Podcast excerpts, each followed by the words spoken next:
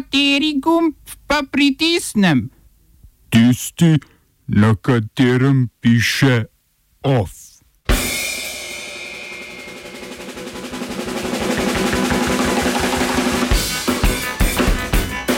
Bruselj in London dogovorila post-brexitovski trgovinski sporazum.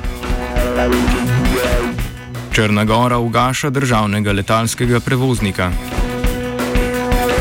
Zaradi diplomatskega spora z Avstralijo pred kitajsko obalo čakajo ladje s premogom.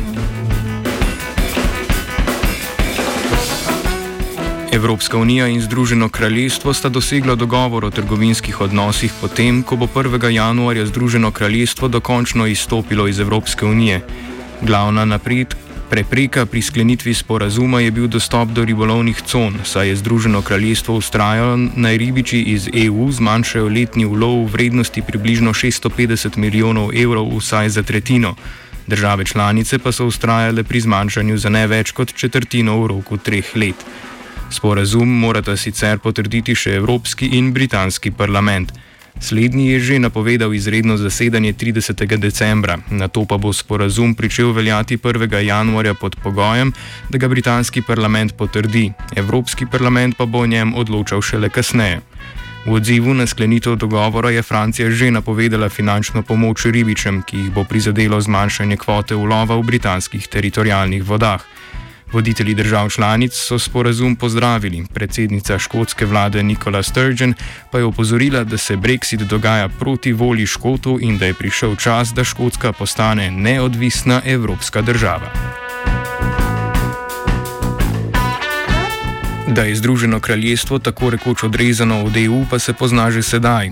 Več tisoč tovornjakov je namreč obtičalo na cestah v okolici pristaniškega mesta Dover na britanski strani Rokavskega preliva, potem ko je Francija zaradi odkritja nove različice virusa SARS-CoV-2 v nedeljo tovornjakom iz Združenega kraljestva prepovedala vstop v državo. Čeprav je Francija v sredo mejo zopet odprla, se do sedaj prometni zastoj še ni sprostil. Ujetim tovornakarjem pa je Francija na pomoč poslala 26 gasilcev in v Združeno kraljestvo poslala 10 tisoč testov za novi koronavirus. Prav tako sta se državi dogovorili, da bo meja med njima, natančneje pomorska povezava Dover-Calais in železniška povezava skozi Eurotunel pod Rokavskim prelivom, odprta tudi za Božič.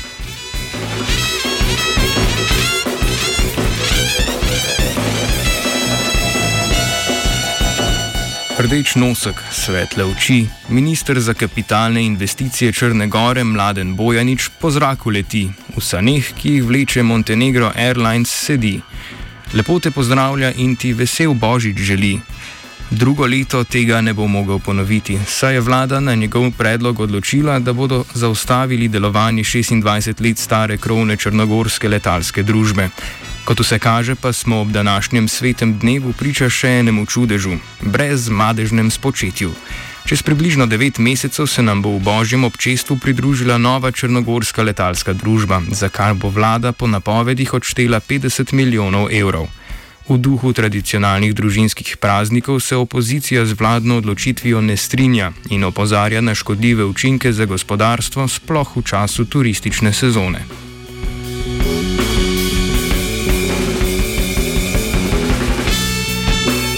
En sam božič je v letu, en sam večer je sveti, a njegov, njegovo sporočilo naj vse leto bo vodilo. Postal je eden od nas, da bi mi postali to, kar je on. Brezmadežno spočetemu Jezuščku sledi brezmadež, brezmadežno izvoljeni župan Banja Luke Draško Stani Vukovič, ki je zapovedal naj službeni avtomobili po koncu delovnega časa občinske uprave ostanejo na parkirišču. Več kot 50 avtomobilskih ključev so mu zaposleni morali osebno uročiti ob 4. popovdne.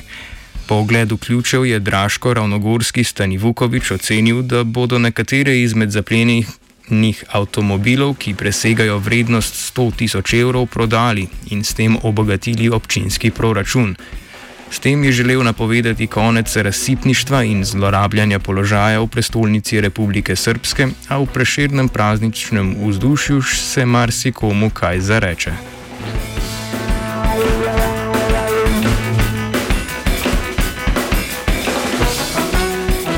Združene države Amerike so sprožile postopke za vzpostavitev konzulata v Zahodni Sahari, je sporočil zunani minister Mike Pompeo. Svetovna izvoznica demokracije bo zato redko poseljeno ozemlje v Severni Afriki najprej zagnala virtualno diplomatsko predstavništvo, ki ga bo za spodbujanje ekonomskega in družbenega razvoja sprva vodila ameriška ambasada v Rabatu, prestolnici Maroka. Ta podatek ni presenetljiv, saj je predsednik Donald Trump pred dvema tednoma ob ponovni vzpostavitvi diplomatskih odnosov med Izraelom in Marokom, ki je posledica uspeha pogovorov pod vodstvom ZDA, podpisal odlog, ki Maroški kraljevini priznava suverenost nad Zahodno Saharo. Odhajajoča ameriška administracija se je s priznanjem požvižgala na stališče Združenih narodov, ki si vprašanje neodvisnosti Zahodne Sahare prizadeva reševati na podlagi sporazuma o prekinitvi ognja iz leta 1991 in s pripravo pogojev za izvedbo referenduma, kar v praksi ohranja status quo, narod Zahodnih Saharjecev pa tako ni nič bliže svoji državi.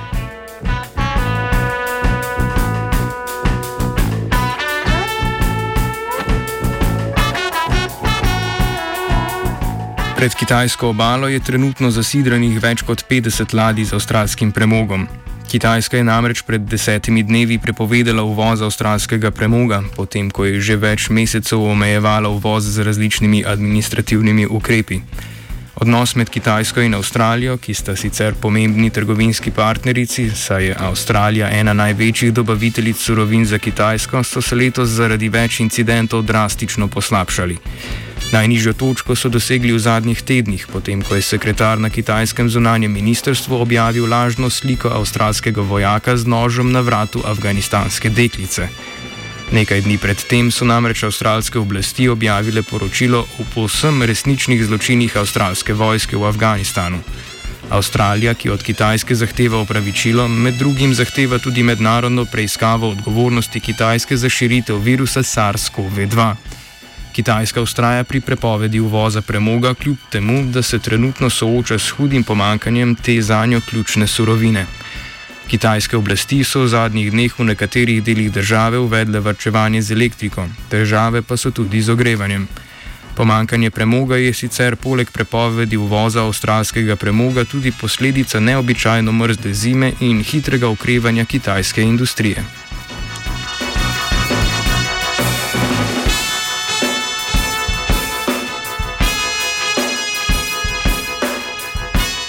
Koalicija uporniških skupin v Centralno-Afriški republiki je razglasila 72-urno enostransko prekinitev spopadov.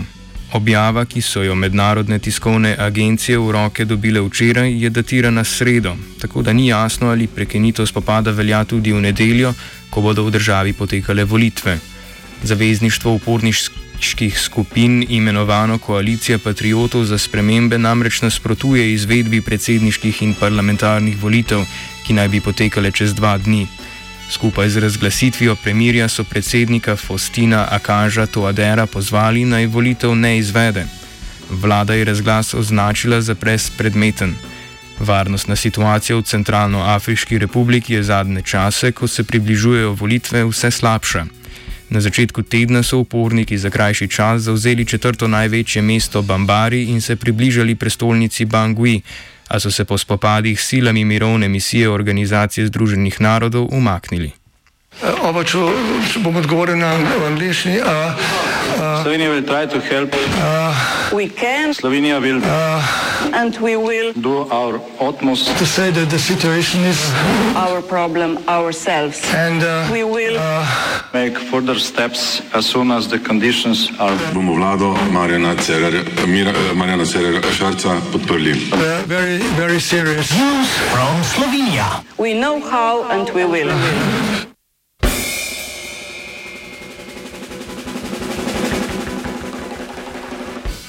Betlehemske luči miru so v predprazničnem času v svoje domove očitno pozabili prinesti nekateri poslanci z obale. V torek se je namreč pred domom poslanca SMC Gregorja Periča v bližini Izole pojavil napis Heroj ali izdajalec. Včeraj so se podobni plakati sliko poslancev Periča, Branka Simonoviča iz Desusa in Felica Žiža, ki je poslanec italijanske manjšine, pojavili na več mestih v Izoli. Perič in Simonovič sta očitno ob sklepanju, kako bi na vprašanje odgovorili mimoidoči so občani, lepake prijavila policiji. Ta pa je o tem obvestila državno tožilstvo in napovedala, da bo spremljala dogajanje. Perič je še pred dnevi povedal, da se zaradi napovedanega glasovanja o nezaupnici nad nekaterimi poslanci vršijo pritiski, ter da ga to skrbi zaradi demokracije v Sloveniji, ne pa njega samega.